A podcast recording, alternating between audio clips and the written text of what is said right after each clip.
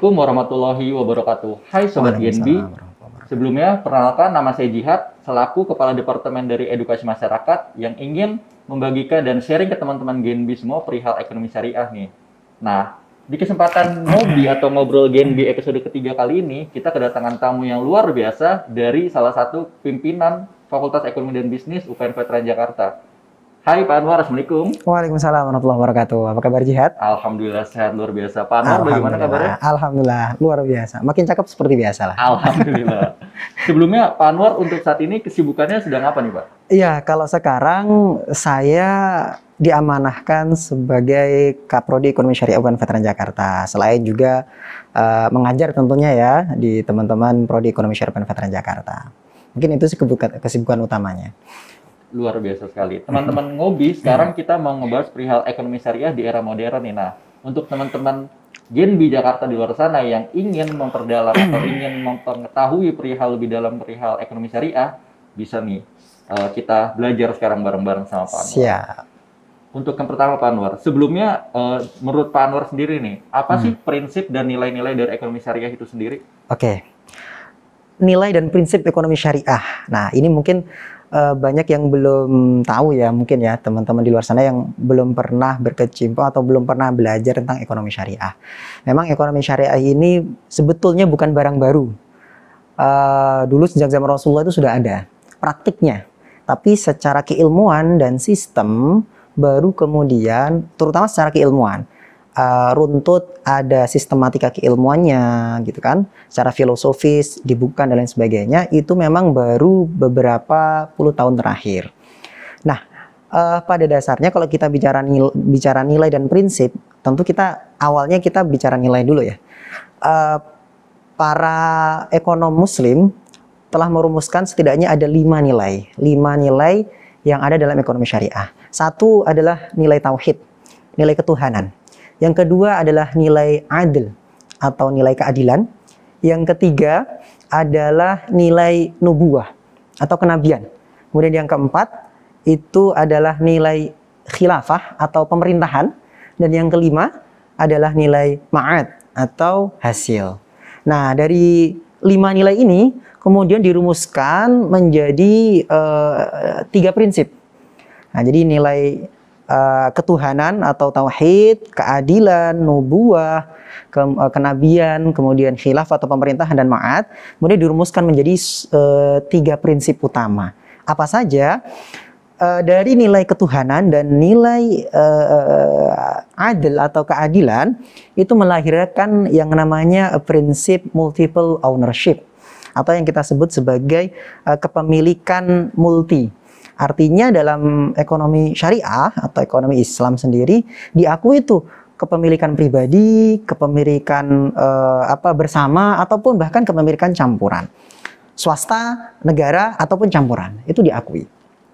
Lalu kemudian kalau bi, uh, dari uh, apa namanya prinsip keadilan tadi adil, kemudian nubuah dan prinsip khilafah itu uh, maaf nilai ya, nilai uh, apa keadilan, nilai nubuah, nilai khilaf atau pemerintahan menghasilkan yang namanya uh, prinsip uh, freedom to act. Artinya sebetulnya nih dalam ekonomi syariah kita sebagai manusia yang memang uh, apa namanya melakukan kegiatan ekonomi itu tujuannya untuk memenuhi hajat hidup kita, kita dibebaskan untuk melakukan apa pun aktivitas ekonomi karena ada satu Mungkin jihad juga tahu ya. Satu kaidah ekonomi uh, atau satu kaidah fikih yang sangat masyhur sekali dipakai dalam kajian ekonomi syariah yaitu al aslu fil muamalah al ibahah illa ma yadullu alaihi dalilun ala tahrimihi. Bahwasanya segala sesuatu aktivitas muamalah, aktivitas ekonomi, apa pun itu, hukum dasarnya ada boleh selama tidak ada dalil yang pasti yang mengharamkannya. Berarti menurut jihad nih lebih banyak yang boleh atau enggak dalam kegiatan ekonomi sebetulnya? Lebih banyak yang boleh. Banyak boleh dong, tentu itu karena apa? Uh, yang tidak boleh itu hanya yang dilarang saja, kan gitu. Nah, dan yang terakhir nih, prinsip yang ketiga yang dilahirkan dari nilai uh, pemerintahan atau khilafah dan ma'at adalah social justice, keadilan sosial. Dan dan ini merupakan uh, apa namanya uh, prinsip yang sangat luar biasa yang sangat dijunjung tinggi dalam ekonomi syariah, di mana uh, ekonomi syariah secara konsep maupun secara sistem itu mendukung yang namanya keadilan sosial. Kegiatan aktivitas ekonomi apa pun itu harus berdasarkan keadilan sosial. Maka kita ada yang namanya larangan, misalkan di kita udah terkenal maghrib gitu kan, larangan maisir, horor, riba maupun melakukan transaksi uh, apa namanya yang sifatnya atau yang barangnya adalah haram. Itu tentu untuk mendukung yang namanya social justice riba misalkan. Riba itu sangat merugikan pasti kan. Sangat merugikan salah satu pihak. Maka itu ketika apa namanya aktivitas ekonomi kemudian mengandung unsur ribawi, tentu akan ada yang dirugikan. Sehingga tidak uh, tercipta yang namanya social justice. Nah, mungkin itu ya uh, kalau kita bicara nilai dan prinsip ekonomi syariah. Luar biasa. Uh, yes. Dari kelima nilai dan ketiga prinsip yang tadi Pak Anwar sampaikan, sebetulnya hmm. kan secara garis besar nih masih banyak nih masyarakat Indonesia atau bahkan sobat Gen di luar sana masih bingung kayak sebenarnya apa sih bedanya ekonomi syariah ah. dengan ekonomi konvensional yang yes betul yang rata-rata tuh udah kita ketahui sekarang gitu. Ha, ha. Nah itu perbedaan dari titik besarnya itu sebetulnya apa sih pak? Nah oke okay, pertanyaan ini konkret banget nih karena selalu di masyarakat di luar sana bedanya apa sih ekonomi syariah sama ekonomi uh, konvensional. Bicara konvensional itu ya include common capitalism, ekonomi uh, sosial atau bahkan uh, setelah ekonomi kapitalisme itu muncul yang namanya grand economic, kemudian ada institutional economic dan berbagai jenis ini ya bentuk atau konsep ekonomi lainnya. Ekonomi syariah ini merupakan konsep atau bahkan kita uh, uh, di luar itu uh, Bakir Asoder misalkan. Bakir Asoder itu menyatakan kalau ekonomi itu tidak hanya sekedar ilmu, tapi juga doktrin. Nah, sistem doktrin, nah itu ekonomi syariah. Perbedaan yang paling mendasar adalah ekonomi konvensional kita kita gunakan term itu ya ekonomi konvensional itu lahir secara ilmu dari uh, pengalaman empiris nah jadi penyusunan uh, secara sistematis keilmuan dalam kajian ekonomi konvensional itu didukung dari pengalaman empiris. Berawal dari kapan? Berawal dari dulu tuh kalau kita lihat sejarah ya.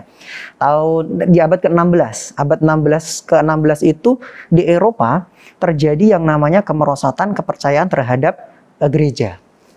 Ya kan, saat itu kan di sebelum tahun uh, abad ke-16 itu gereja mendominasi kan uh, sosial masyarakat saat itu. Sehingga nilai-nilai gereja masuk ke dalam kehidupan sosial ekonomi. Tapi karena berbagai permasalahan yang ditimbulkan saat itu kan, kemudian me, me, apa nama menurunkan kepercayaan tingkat kepercayaan terhadap gereja, akhirnya terjadi yang namanya revolusi keilmuan, revolusi uh, apa namanya sosial masyarakat saat itu. Sehingga apa namanya uh, termasuk uh, kajian keilmuan khususnya ekonomi itu juga kemudian uh, tidak lagi setelah pasca kejadian itu tidak lagi mendapatkan uh, apa nama atau tidak lagi memasukkan unsur-unsur nilai religius. Nah, akhirnya muncul yang namanya uh, sekularisme. Nah, sekularisme, sekularisme artinya memisahkan nilai-nilai agama dalam nilai uh, kehidupan. Nah, berawal dari situlah kemudian muncul uh, apa nama ekonomi kapitalis, kemudian sosialis dan berbagai macam ekonomi uh, apa namanya uh, konsep ekonomi yang saya sebutkan tadi. Nah, namun sebetulnya nih yang namanya konsep ekonomi atau para ekonom melahirkan konsep ekonomi itu tentu tujuannya sama sebetulnya, ingin uh, mensejahterakan manusia. Yang membedakan dengan ekonomi syariah kalau mereka mencetuskan konsep ekonomi itu berdasarkan pengalaman empiris mereka Nah, gitu. Kalau dalam kajian Islamic Studies, jadi diskursus ya, kita bicara diskursus uh, keilmuan itu ada tiga. Satu empiris, dua normatif, tiga filosofis. Nah, uh, yang konvensional itu memang mendasarkan keilmuan atau teori-teorinya dari pengalaman empiris mereka. Nah, eh, artinya hanya pengalaman keseharian manusia gitu ya. Nah, sementara ekonomi syariah karena dia tidak hanya sebagai keilmuan tapi eh, sebagai doktrin juga, maka uh, tidak hanya sebagai empiris yang uh, pengalaman empiris yang didasarkan untuk mencetuskan teori, tapi juga apa, apa namanya secara normatif doktrin keagamaan. Nah, yang paling membedakan di sini adalah tentu teori-teori uh, ekonomi syariah itu didasarkan pada uh, penggalian terhadap satu Al-Quran dan hadis yaitu sumber utama agama Islam yang kedua tentu pengalaman empiris juga jadi uh, apa namanya dua hal itu digabung jadi satu menghasilkanlah teori-teori ekonomi syariah yang saat ini kita pelajari nah itu yang mungkin yang paling dasar itu sehingga memunculkan berbagai perbedaan-perbedaan yang lain. Seperti contoh saran tataran praktisnya uh, di kita uh, yang namanya riba itu tidak boleh, perjudian tidak boleh atau uncertainty itu tidak boleh. Tapi kalau mungkin di ekonomi kapitalis it's okay gitu. Nah, masalah yang penting kesejahteraan individu. Nah, kurang lebih kayak gitu.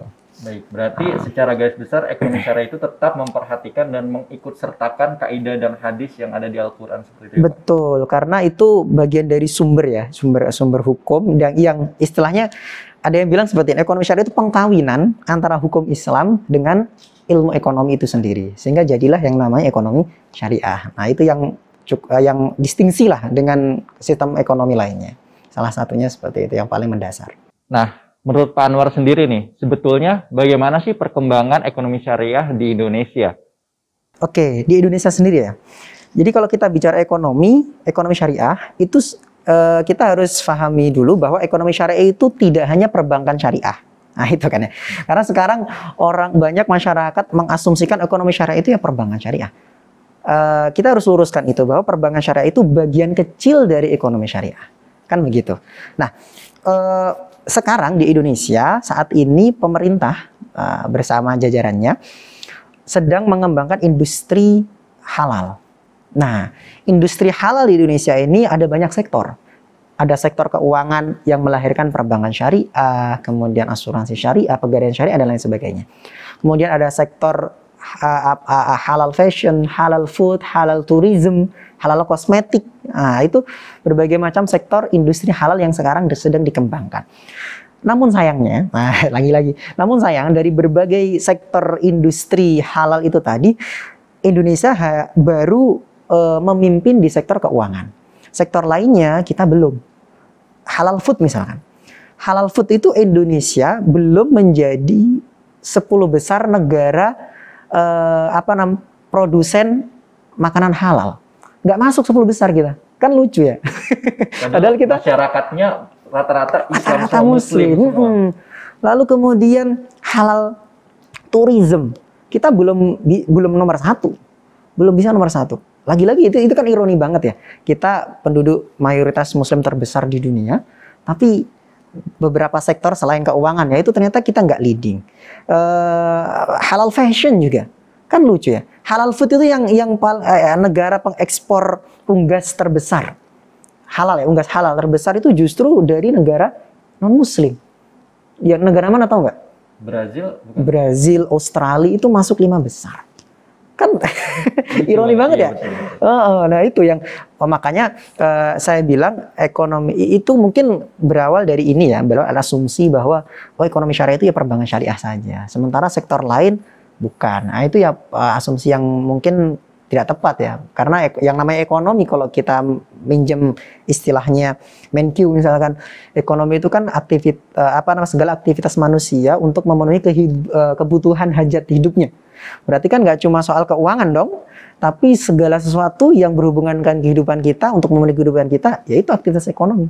Nah, kurang lebih begitu. Berarti uh, khususnya untuk masyarakat Indonesia sendiri masih banyak yang kurang paham dan belum paham karena masih melihat ekonomi syariah itu hanya dari keuangan saja ya Pak? Iya, kurang lebih begitu. Uh, dan ke, uh, dari dari aspek keuangan pun ternyata kalau kita lihat uh, risetnya OJK, literasi keuangan syariah di Indonesia juga masih rendah kan. Belum belum sampai 50% bahkan masih sangat rendah sekali. Nah itu itu PR lah buat kita. Berarti PR kita bersama ya Pak? Iya betul PR buat kita. Lalu uh, menurut Pak Anwar nih kalau uh, semisal masyarakat Indonesia itu sudah paham atau sudah mengerti lah perihal literasi, perihal keuangan syariah atau perihal ekonomi syariah secara keseluruhan sektornya. Nah peran ekonomi syariah tuh bisa berperan besar nggak sih untuk perekonomian Indonesia? Menurut saya sangat sangat potensi sangat besar. Pertama, kalau kita melihat potensi pasar, jelas kita negara mayoritas apa negara muslim terbesar di dunia saat ini. Saat ini kita masih menjadi negara muslim terbesar di dunia. Itu pasar itu.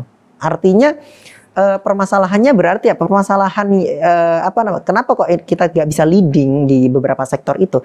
Artinya memang SDM kita masih ada PR kan gitu untuk melakukan uh, apa produksi di berbagai macam sektor itu tadi yang saya sebutkan itu berarti ada PR di SDM. Nah, itu mungkin perlu kita ini ya, perlu kita lakukan uh, apa namanya evaluasi bersama. Nah, itu itu uh, apa namanya tentang ini ya, industri halal lah kurang lebih di Indonesia seperti itu. Baik, baik. Uh, tapi ada manfaat nyata yang semisal bisa kita lihat secara langsung nggak sih Pak? Kalau oh ini ekonomi syariah nih kita bisa melihat secara fisik, bisa melihat secara hmm. langsungnya, bisa rohaninya bisa langsung kerasa langsung itu ada nggak sih Pak sebetulnya? sebetulnya sekarang sudah mulai ya, alhamdulillah itu ada gerakan halal lifestyle. Bukan berarti yang nggak ngikuti gerakan ini kemudian hidupnya nggak halal, bukan. Artinya gerakan halal lifestyle ini sekarang sudah mulai nih ada kelompok masyarakat yang kalau misalkan mau pariwisata mau traveling gitu misalkan dia hanya ingin traveling di tempat-tempat yang menyediakan kebutuhannya sebagai seorang muslim misalkan. Dalam konsep halal tourism tempat uh, apa wisata itu jelas secara infrastruktur harus menyediakan kebutuhan kita sebagai muslim. Misalkan uh, kebutuhan dasar kita sebagai untuk ibadah apa sih? Yaitu bersuci misalkan. Air yang bersih air yang suci kemudian ada uh, tempat ibadah dan lain sebagainya makanan halal. Nah itu itu uh, sebetulnya itu sudah ada seperti itu uh, arah uh, apa namanya komunitas itu. Dan sepertinya ini sangat baik kalau menurut saya karena dengan dengan begitu dengan masyarakat mulai uh, apa aware terhadap oh iya uh, penting nih kita melakukan exposure exposure halal lifestyle. Sehingga dengan adanya permintaan kan kita demand dulu kan demandnya besar uh, exposure-nya juga besar maka insya Allah nanti uh, industri akan menangkap itu gitu jadi e, bisa jadi nih sekarang kenapa e, beberapa sektor selain industri apa keuangan syariah itu kurang berkembang karena salah satunya ya memang e, apa namanya pelaku industri belum menangkap itu tadi, belum menangkap demand yang besar gitu kan. Nah, makanya mungkin PR-nya sekarang ya kita bisa nih memulai atau membesarkan gerakan halal lifestyle exposure-nya begitu ya, exposure halal lifestyle sehingga eh, apa namanya ini gerakan ini kemudian ditangkap oleh pelaku industri dan teman-teman di industri mulai menangkap pentingnya mengembangkan industri halal di Indonesia begitu. Menurut menurut Pak Anwar sendiri, ketika milenial ingin mencoba terjun langsung atau mencoba uh, mengikuti experience-nya bagaimana ek ekonomi syariah itu sendiri, produk-produk apa atau pilihan apa sih yang bisa digunakan sebagai starting point untuk para milenial ini untuk memilih, oh produk ini nih yang mau dipakai di ekonomi syariah atau produk ini yang akan saya gunakan sebagai awalan ketika saya merasakan ekonomi syariah itu sendiri.